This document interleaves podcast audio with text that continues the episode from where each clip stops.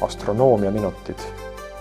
neljas saade kolmekümne esimesest oktoobrist kaks tuhat üheksa.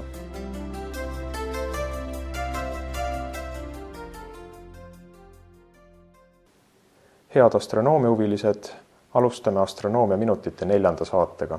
mina olen Taavi Tuvikene. ja mina olen Tõnis Eenmäe. alates käesolevast saatest muudame veidi oma saate formaati.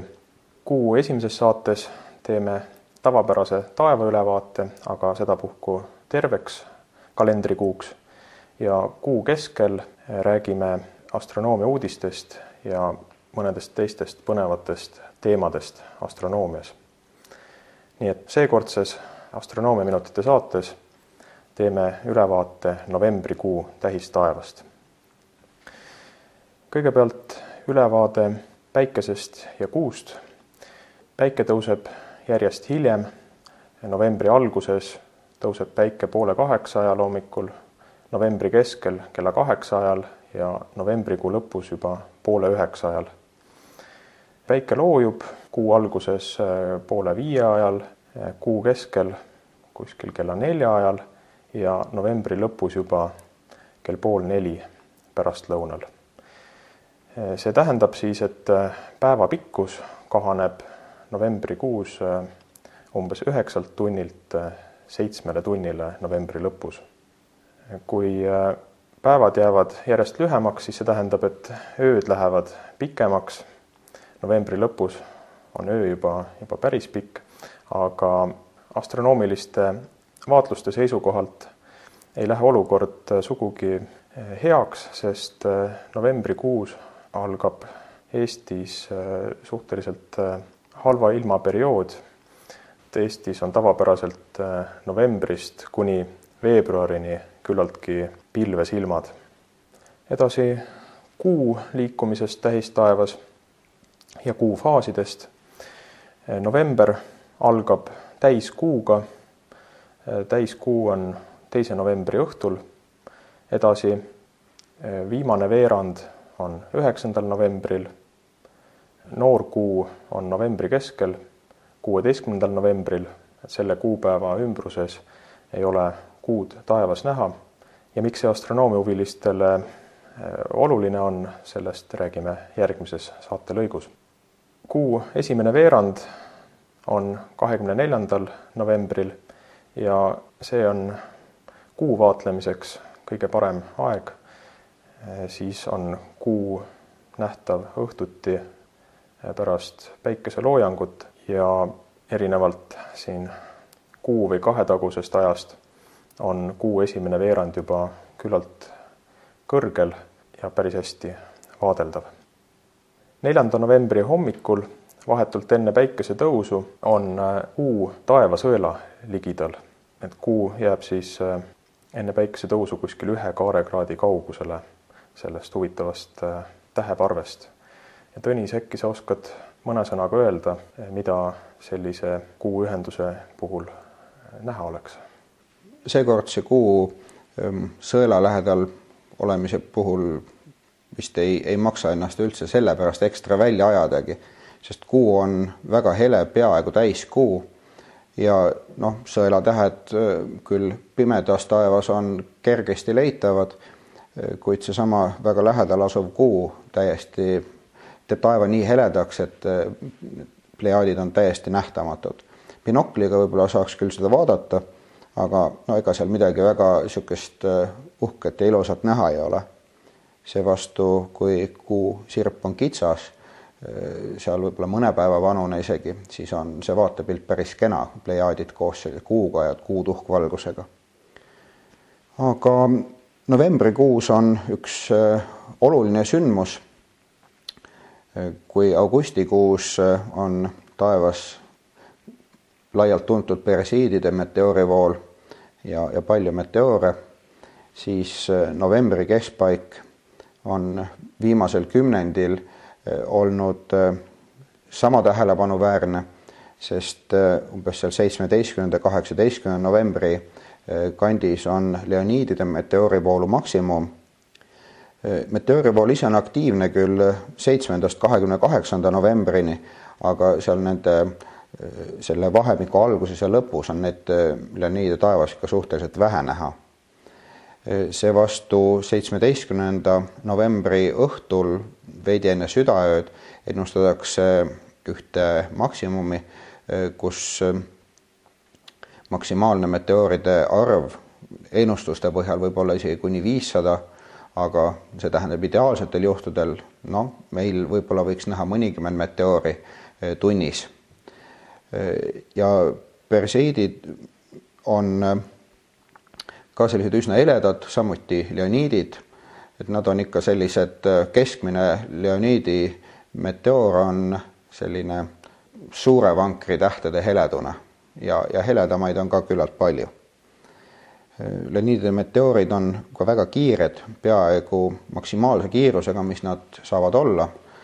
see maksimaalne kiirus on seitsekümmend neli kilomeetrit sekundis, siis Leoniidide kiirus on seal seitsekümmend üks kilomeetrit sekundis märkuseks veel, et seitsmeteistkümnendal novembril seal ütleme südaöö paiku on parajasti lõvitähtkuju üle horisondi tõusnud Eestis, nii et siis, siis oleks see, see õhtu on küll mõistlik omale reserveerida astronoomilisteks vaatlusteks. tasub veel mainida, et seekordset Leoniidide maksimumi ei ole segamas kuu.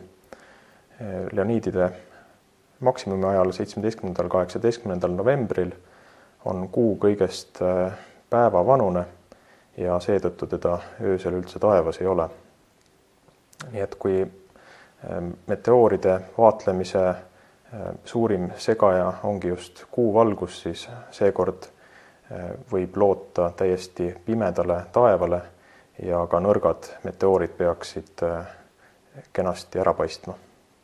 nüüd aga läheme oma taevaülevaatega planeetide juurde ja nagu eelmistes saadetes juba tavaks on saanud, tuleb ka seekord alustada õhtul säravast Jupiterist. Jupiter on taevas näha kohe pärast seda, kui päike on loojunud ja taevas hakkab juba pimedaks minema.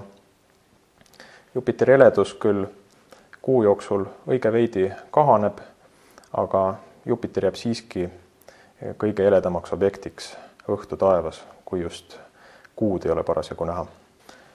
kuna Jupiter kaugeneb maast, siis äh, Jupiteri ketta läbimõõt äh, kahaneb. Äh, novembri alguses on ketta läbimõõt kuskil nelikümmend üks kaaresekundit ja kuu lõpus on kolmkümmend kaheksa kaaresekundit, nii et ühe kuuga annab ta umbes kümnendiku oma läbimõõdus järele Jupiter kulmineerub novembri alguses umbes kella seitsme ajal ja novembri lõpus kella viie ajal õhtul. See tähendab, et see kulminatsioon on üsna varsti pärast päikeseloojangut ja Jupiter on oma kõrgemas asendis täpselt lõuna suunas. Jupiter loojub nüüd järjest varem, novembri alguses loojub Jupiter kella üheteist ajal õhtul ja novembri lõpuks äh, tuleb loojumise kellaaeg pooleteise tunni võrra varasemaks, nii et Jupiter on küll õhtuti hästi nähtav, aga, aga nähtavus äh, siiski halveneb ja, ja see vaatlemise aeg jääb järjest lühemaks. Jupiteri puhul tasub mainida veel, et kahekümne kolmanda novembri õhtul on Kuu kõigest äh, kolme kraadi kaugusel sellest planeedist, nii et äh, tol õhtul moodustavad nad taevas kena paari. planeet Marss on jõudnud äh, juba õhtutaevasse. Marss tõuseb novembri alguses umbes kolmveerand kümne ajal õhtul, aga novembri lõpuks tuleb tõusuaeg tunni võrra varasemaks ehk Marss tõuseb juba enne kella üheksat õhtul. Marsi vaatlustingimused paranevad novembris märgatavalt. heledus kasvab ligi poole tähesuuruse võrra ja ketta läbimõõt kasvab umbes kaheksalt kaaresekundilt kümnele kaaresekundile. nii et ähm, Marssi tasub juba teleskoobiga sihtida ja seal pinnadetaile otsida. parim aeg Marsi vaatlemiseks on siiski hommikupoole ööd. Marss kulmineerub novembri alguses kella kuue ajal hommikul ja novembri lõpus äh, kulmineerub ta kuskil kella viie ajal ja kulminatsiooni kõrgus on umbes viiskümmend kaarekraadi.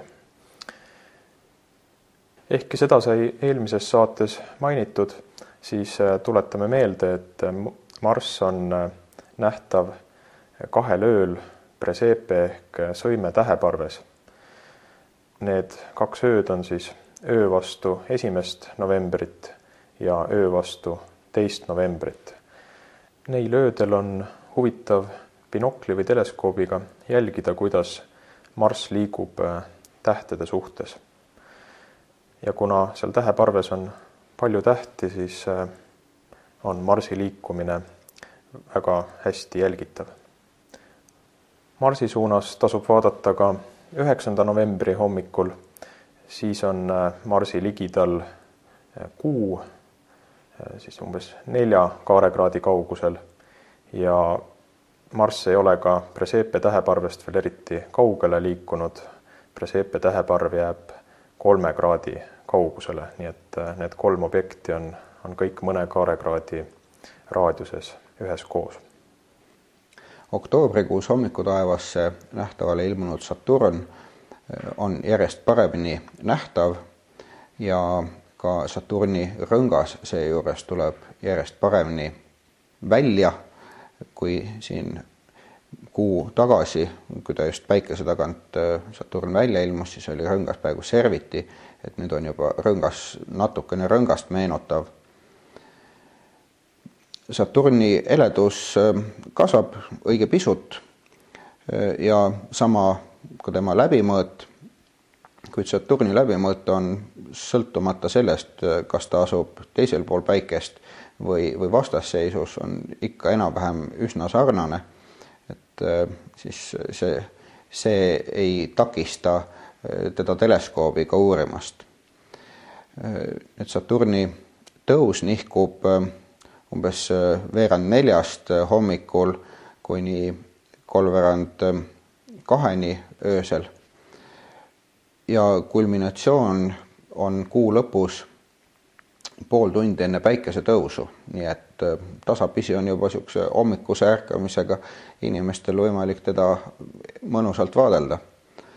seejuures on Saturni kulmineerumine umbes kolmekümne kahe kraadi kõrgusel, mis on täitsa korralik äh, kõrgus, et äh, planeeti teleskoobis uudistada Veenus seevastu on järjest ähm, halvemini nähtav, ta liigub Päikesele üha lähemale, tema heledus äh, ega faas suurt ei muutu, sest ta on juba peaaegu teisel pool Päikest. Ja ka tema ketas on enam-vähem konstantse suurusega, umbes seal kümne kaaresekundi kandis, et võrrelda täiesti Marsiga juba. Veenus äh, tõuseb äh, kuu alguses äh, kaks tundi enne päikest ja kuu lõpus ainult üks tund enne päikest ja siis ei ole teda enam eriti hästi isegi binokliga võimalik leida. ja see kaugus päikesest on siis kah, kahaneb kuu lõpuks kuni kümne kraadini, nii et et selle koha peal võiks olla isegi ettevaatlik, et kui on huvi binokliga otsida, et siis, siis kindlasti katsuda, katsuda seda asja niimoodi läbi viia, et päike kogemata sinna binoklisse nähtavale ei ilmu. Merkuur ei ole novembrikuus eh, praktiliselt üldse nähtav. ülemine ühendus on viiendal novembril ja kuigi ta seal kuu lõpus eh, tuleb jälle päikese tagant välja asub ta niivõrd madalal taevas ja läheb peaaegu et kohe peale päikeseloojangut ka ise looja, et teda ei ole nagu mõtet väga otsidagi. Seevastu ilmub novembri teises pooles nähtavale tehistäht nimega Rahvusvaheline Kosmosejaam. kellel on huvi rahvusvahelist kosmosejaama äh, õhtuses taevas jälgida, siis äh, see võimalus avaneb neljateistkümnendast kahekümne viienda novembrini. enamasti on need ülelennuajad seal tunni ja kuni kahe jooksul pärast päikeseloojangut. Ja need täpsed ülelennuajad on võimalik järele vaadata veebiaadressilt www.heavensabove.com ja Eesti lugejale vahendame neid ülelennuaegasid Twitteri uudistevoos siis aadressil twitter.com kaldkriips astronoomia. viited paneme ka astronoomia.ee lehele välja. Kui veel päris tähtedest rääkida, siis tasuks peatuda muutlikul tähel nimega Algol, millest me ühes varasemas saates rääkisime pikemalt. Algoli varjutuste ajal langeb selle tähe heledus umbes ühe koma kolme tähe suuruse võrra ja see varjutus äh, kestab äh, kokku umbes üheksa ja pool tundi.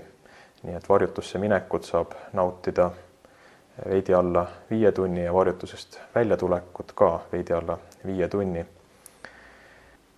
novembris jäävad öisele ajale viis algkooli miinimumi ja äkki sa, Tõnis, siis teeksid neist ülevaate üheteistkümnenda novembri eh, hommikul eh, on neist kõige esimene, aga see miinimumi hetk on poole seitsme ajal hommikul.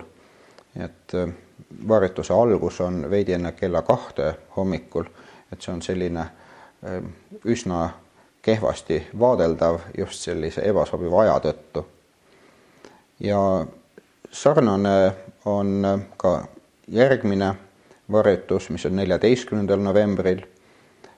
selle varjutuse maksimumi, siis miinimumi hetk õigemini, on kella poole nelja kanti ja varjutus küll algab eelmisel õhtul kolmveerand üheteist ajal, aga noh, siiski seal päris alguses ei ole, ei ole see heleduse kukkumine nii kiire ja see niisugune tõsine efekt jääb juba hommikutundidesse. Seevastu kaks järgmist varjutust on väga hästi vaadeldavad. seitsmeteistkümnendal novembril kella veerand ühe ajal aset leidev siis varjutuse miinimum on väga hästi vaadeldav. varjutuse algus on kuueteistkümnenda novembri õhtul poole kaheksa ajal ja, ja varjutuse lõpp äh, seitsmeteistkümnendal novembril kella viie ajal.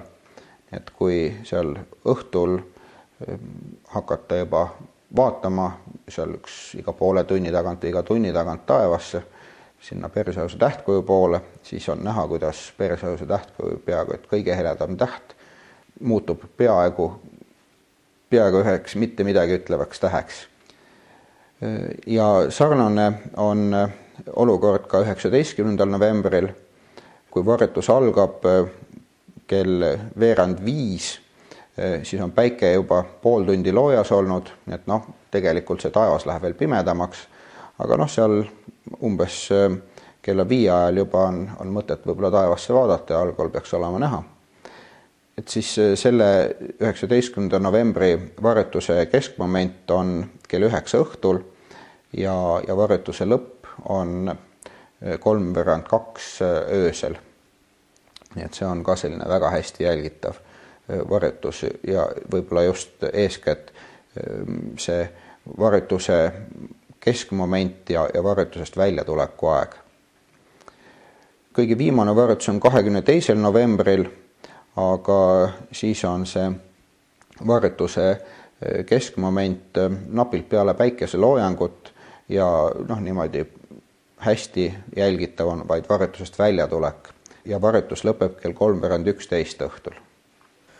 siis ei jää muud üle, kui loota, et novembris ikka mõni selge öö ka tuleb ja soovitavalt just äh, kuu keskel, kui äh, on leoniidide maksimum ja nendel öödel saab siis ka äh, ühtlasi algkooli miinimume jälgida. sellega on meie saade lõppemas järgmises Astronoomia minutite saates räägime põnevatest teemadest astronoomias ja detsembrikuu taevaülevaate teeme kuu aja pärast siis ülejärgmises saates. soovime selgeid öid ja jääme kuulmiseni. Kuulmiseni